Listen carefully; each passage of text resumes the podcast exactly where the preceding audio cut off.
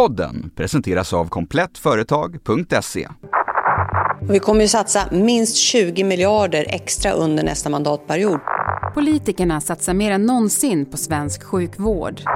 Vi lägger närmare 28 miljarder mer än, än regeringen på vård och omsorg.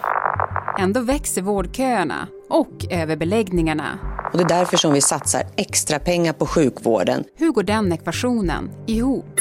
Det är just nu ett mycket ansträngt läge på Akademiska sjukhusets akutmottagning. Vilket lett till att patienter fått ligga i korridorerna och använda grytlock och bestick för att skramla när de behövt hjälp. På en kvart får du veta varför Sverige inte längre har en sjukvård i världsklass och varför mer pengar inte är det som kommer lösa problemen. Det är torsdag den 24 mars.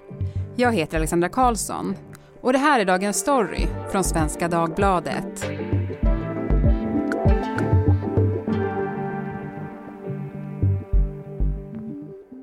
Fredrik Mellgren, reporter här på Svenska Dagbladet. Du har i fyra stora reportage tagit tempen på den svenska sjukvården. Hur mår den egentligen? I grunden, alltså generellt så, så, är nog svensk sjukvård väldigt bra. Men det är desto sämre med tillgängligheten. Alltså det här med med vårdköer och, och, långa väntetider.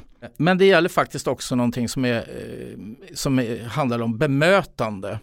Och då är det inte så att personal är otrevlig, men däremot så finns de inte till för att berätta och informera patienterna om vad som är på gång, när man ska träffas nästa gång, hur provsvaren såg ut och sådana saker. Historiskt har vi varit fantastiskt duktiga. Vi har haft världsklass när det gäller vårdkvalitet. Men på senare år, kanske 10-15 år sådär, så har vi liksom tappat. Vi rankas inte lika högt längre. Vi är inte outstanding på något sätt och andra länder har inte bara kommit ikapp, de har gått förbi oss. Men du, hur kommer det sig att du ville kolla på sjukvården? Det finns ju flera svar på det, men ett är ju att det här är, är väljarnas viktigaste fråga man vill ha svar om hur eh, vården fungerar och vad den kostar och så.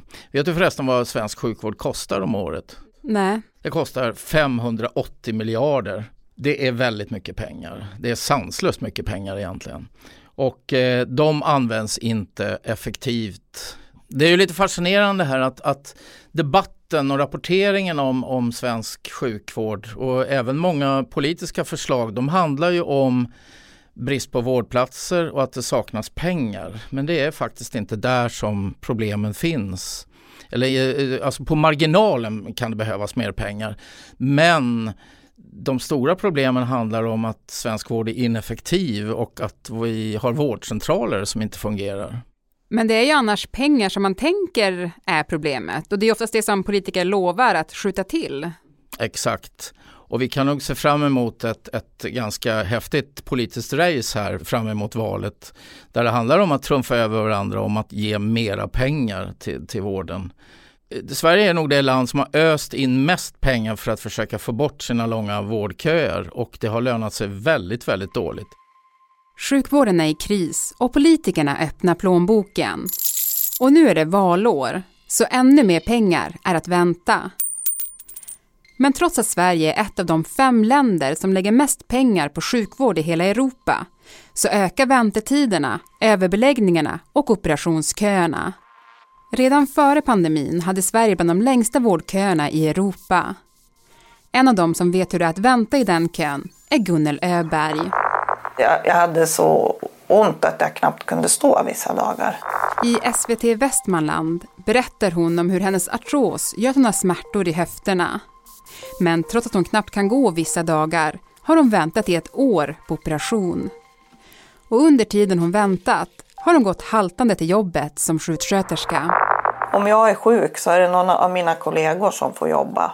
Gunnel är inte ensam. Idag står närmare 180 000 personer i operationskö. Och mer än hälften har, precis som Gunnel, väntat i mer än de tre månader som vårdgarantin lovar. Nya siffror över väntetiderna inom den svenska sjukvården visar att vårdgarantin är långt ifrån att uppfyllas. Samtidigt har olika regeringar i flera decennier försökt både belöna och pressa regionerna för att de ska kapa köerna. Men enligt de experter som granskat resultaten av satsningarna har inget gett någon större effekt. Men varför har vi så långa vårdköer i Sverige? Alltså långa vårdköer är inte något nytt i Sverige. Verkligen inte. Det är ett gammalt fenomen. Men idag skulle jag säga att det beror på brist på personal. Tänk själv liksom att du har ett operationslag och så fattas det en person. Då kan du inte genomföra den operationen. Det är bara så enkelt. Du har, du har gjort operationer förut antar jag? Gjort och gjort, alltså jag kommer ju från ett bemanningsföretag. Men det är ju lite ironiskt tänker jag, för per invånare så har vi väldigt mycket utbildad sjukvårdspersonal i Sverige. Ja, så är det. Både läkare och eh, sjuksköterskor så ligger vi en bra bit över genomsnittet i OECD. Och det tyder ju på att vi har inte svårt att locka människor att utbilda sig till vårdyrken men däremot har vi svårt att få dem eh, att behålla dem inom vården. Och vad beror det på? Det beror ju på flera saker men jag skulle säga att det främsta skälet är ju att regionerna är dåliga arbetsgivare. Att eh, vårdpersonal inte känner att de eh, kan klara av ett liv, ett vanligt liv och samtidigt ha sitt yrke. Det är rent ut sagt dåligt alltså. Det, det, det tyder på att personalpolitiken är eftersatt i, i, i många regioner. Mm. En sak jag tyckte var jätteintressant när jag läste dina artiklar, det var att produktiviteten i Sverige är så låg. Alltså en läkare här tar emot väldigt mycket färre patienter än i till exempel Tyskland. Varför är det så? Ja, det är ju inte så att eh, svenska läkare sitter och rullar tummarna. Utan det som många tunga vårdexperter pekar på det är ju då att, att eh, de delvis gör fel saker. Alltså det känns på min eh, åtta timmars arbetsdag så träffar jag kanske patienter max en timme. Resten är att man sitter framför en dator. Ett exempel som eh, vårdexperterna brukar ta fram det är ju Stockholm som har många vårdgivare men många av dem tar alltså emot ganska onödiga besök. Och det gör ju då att det blir mindre tid för de patienter som verkligen behöver vård.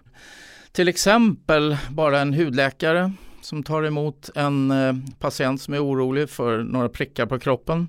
Och så undersöker läkaren en prick och så får man komma tillbaka en annan gång och visa upp nästa prick. Och så där kan det hålla på ett tag. Och det blir en väldigt det blir en massa onödiga besök istället för att läkaren tittar på hela kroppen första tillfället. Mm. Varför görs inte det idag då? Man eh, bygger upp ekonomiska styrsystem som gynnar ett visst beteende hos vårdgivarna. Eh, ett tag så var det så i Stockholm att man hade ett eh, system som betalade mest för många besök. Det blev ju väldigt korta besök eh, och det gynnade ju inte 84-åriga Hanna som är multisjuk och kroniker och allt möjligt. Hon, hon behöver ju ha en helt annan typ av vård. Mm. Och som jag förstår det så beror mycket av problemen i svensk sjukvård eh, på att primärvården, alltså till exempel vårdcentralerna, inte fungerar. Kan du berätta? Primärvården är ju ett sorgligt kapitel i svensk vård. Den borde ju vara själva basen, första linjens vård. Eh, och när det fungerar så kan den avlasta akutsjukvården. Men i Sverige funkar det nog eh, uselt får man nog säga. Men vad beror det på då, att det inte funkar i Sverige?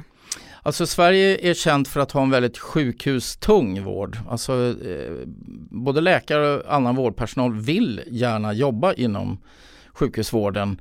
Och patienterna är också på något sätt uppfostrade att gå till ett sjukhus ifall man har några besvär. Men eh, det finns undantag. Det finns undantag. I den här artikelserien så berättar vi också om Borgholm och deras hälsocentraler som har, eh, verkar fungera väldigt, väldigt bra. Mm. Och vad är det de gör då? De har dels lyckats bemanna hela vårdcentralen, det finns inga vakanser av läkare. Man har få invånare på varje läkares lista så att de verkligen hinner med och ta emot patienterna. Mm. Och, och, genom det så lyckas man då uppfylla det här löftet om att ta emot patienterna samma dag när de hör av sig. Och man har dessutom lyckats då avlasta det närmaste sjukhuset som finns i Kalmar med ungefär 30% akutbesök och lika många vårddygn och det är fantastiska resultat. Jag tänkte på det här med fast läkare som man ju pratar om på vårdcentral. Har du det? Ja, jag har haft det ett antal år och sen gick den läkaren eh, in i väggen eller blev utbränd. Och sen dess har jag inte haft det. Mm, för jag tänker, jag har aldrig haft en, en fast läkare. Och det är väl också en sån sak som till exempel andra länder är bättre på än Sverige? Väldigt mycket bättre. Sverige är sämst i klassen när det gäller just det här. Eh, svenskar har däremot eh, en namn, namn på sin frisör och tandläkare. Mm. Och varför skiljer det sig då? Varför har vi inte det i Sverige? Vad är det som inte funkar? I Sverige har vi pratat mycket om primärvården och det har även satsat pengar ända sedan 90-talet när husläkarreformen kom i, i Sverige. Eh, men i praktiken så har inte så mycket hänt. Och det beror nog på att man har inte följt efter med lagstiftningen. Alltså att man lagför det här att en patient har rätt till en, en egen läkare. Det har man ju då i Norge till exempel. Eh, och, och Det här gör att det blir inte samma tryck på att verkligen genomföra förändringen som, som behövs. Eh, och dessutom så finns det en maktkamp mellan sjukhusvård och primärvård. Eh, där där eh, inte minst läkare tycker att det är finare att, att jobba på sjukhus och det, det, det styr väldigt mycket. Men om vi nu eh, återgår lite grann till politikerna här, eh, valår och allt som det är.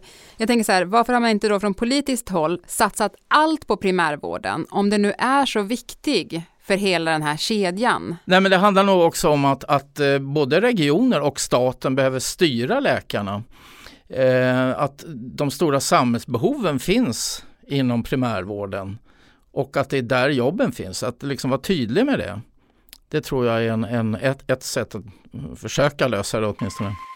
Under pandemin var en stor fråga antalet vårdplatser i Sverige och att vi har så få i jämförelse med andra länder.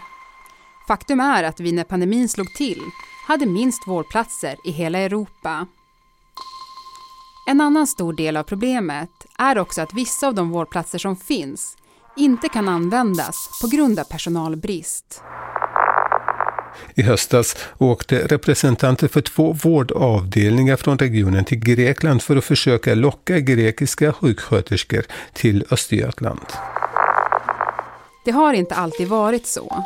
På 70-talet hade vi nästan 16 vårdplatser per tusen invånare.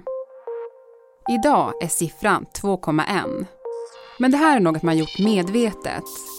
Man har under lång tid metodiskt jobbat för att minska hur många dygn en patient vårdas på sjukhus och därmed också antalet vårdplatser. Det här är vi inte ensamma om att göra, utan samma utveckling finns i andra länder. Men Sverige har kommit långt. Här är en genomsnittlig sjukhusvistelse 5,9 dagar. Det är tredje kortast inom OECD-länderna. Som jag förstår det så har man ju aktivt jobbat för att få bort vårdplatser. Eh, varför? Ja, det har man absolut försökt göra och tanken har ju varit där att det är bra för patienten att inte bli inlagd på sjukhus. Det finns ju inget självändamål att, att man ska ligga på sjukhus Eh, så är det ju. Eh, dessutom är de här vårdplatserna det är bland det dyraste som finns inom vården. Så det har funnits liksom två drivkrafter att dra ner på antalet vårdplatser. Men sen har det ju varit en eh, fantastisk liksom, medicinsk utveckling också som gör att man behöver inte eh, ligga kvar lika länge på, på efter en, en behandling. eh, det finns ett sånt här klassiskt exempel och det är ju magsårsmedicinen Losec Eh, innan den kom så då var det en stor operation som gjordes och man låg kanske en vecka och fick eftervård på ett sjukhus. I och med att det där pillret kom så behövde man inte lägga sig in på sjukhus alls. Och då minskade ju behovet av vårdplatser för en väldigt, väldigt stor patientgrupp. Men du, har vi fått för få vårdplatser nu då? Ja, alltså här är ju experterna oense. En del menar då att det räcker om man får igång de vårdplatser som borde fungera. Ungefär var tionde vårdplats är stängd på grund av att eh, man inte kan bemanna dem. Det är personalbrist helt enkelt. Andra tycker att det är det räcker nog faktiskt inte utan man behöver också skaffa kanske 1000-2000 ytterligare vårdplatser utöver de 21 000 som redan finns. Men de då som menar att vi behöver fler vårdplatser, alltså vad menar de att det får för konsekvenser att vi har för få? Eh, ja, alltså det är väldigt tydliga konsekvenser, eh, bland annat då överbeläggningar. Eh, när det är stopp så tvingas ju då patienter som måste vara kvar på sjukhuset och, och ligga i korridoren i sin säng eller bakom någon skynke i, på något dagrum eller något sånt där. Eller inne i duschrummet. Det förekommer de mest eh, otroliga historier om, om, om det här vad man tvingas göra av patienterna när vårdplatsen inte räcker till. Och eller att, att patienter eh, skickas hem för tidigt. De är inte helt färdigbehandlade som man säger. Om vi ska summera lite grann. Om det då inte är pengar som är problemet med sjukvården idag, vad behöver göras för att svensk sjukvård ska fungera bättre? Vad säger du om du pratat med? Ja, vi har varit inne på det. I första hand så tror jag faktiskt att det här med primärvården är en, eh, det är en nyckel till att försöka komma åt den här vårdkrisen.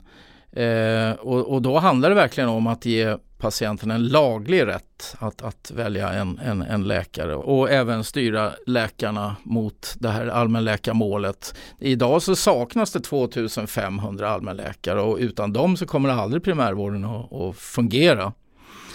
Och det andra det är väl då att, att eh, dra ner på en del av det här pappersarbetet. Det är inte rimligt att vårdpersonal ska sitta fast i den soppan liksom, istället för att ta hand om patienterna.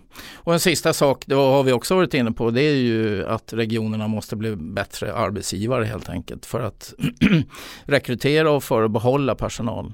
Tack Fredrik Mellgren för att du var med i Dagens Story. Tack så mycket. Se framför dig en riktigt bra webbshop för IT-produkter och kontorsutrustning för ditt företag. Se framför dig att vid behov få personlig och snabb expertservice utan att behöva handla för flera miljoner kronor per år. Se nu framför dig Komplett Företag, din partner inom IT-produkter och kontorsutrustning online. Gör som många andra och testa fördelarna hos komplettföretag.se. Välkommen!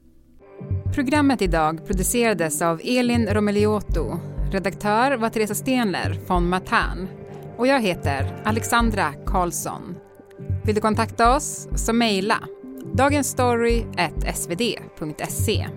Klippen i dagens program kom från Aftonbladet, Expressen, Sveriges Radio, SVT, Svenska nyheter och humorgruppen I just want to be cool. Svensk sjukvård är som Machu Picchu.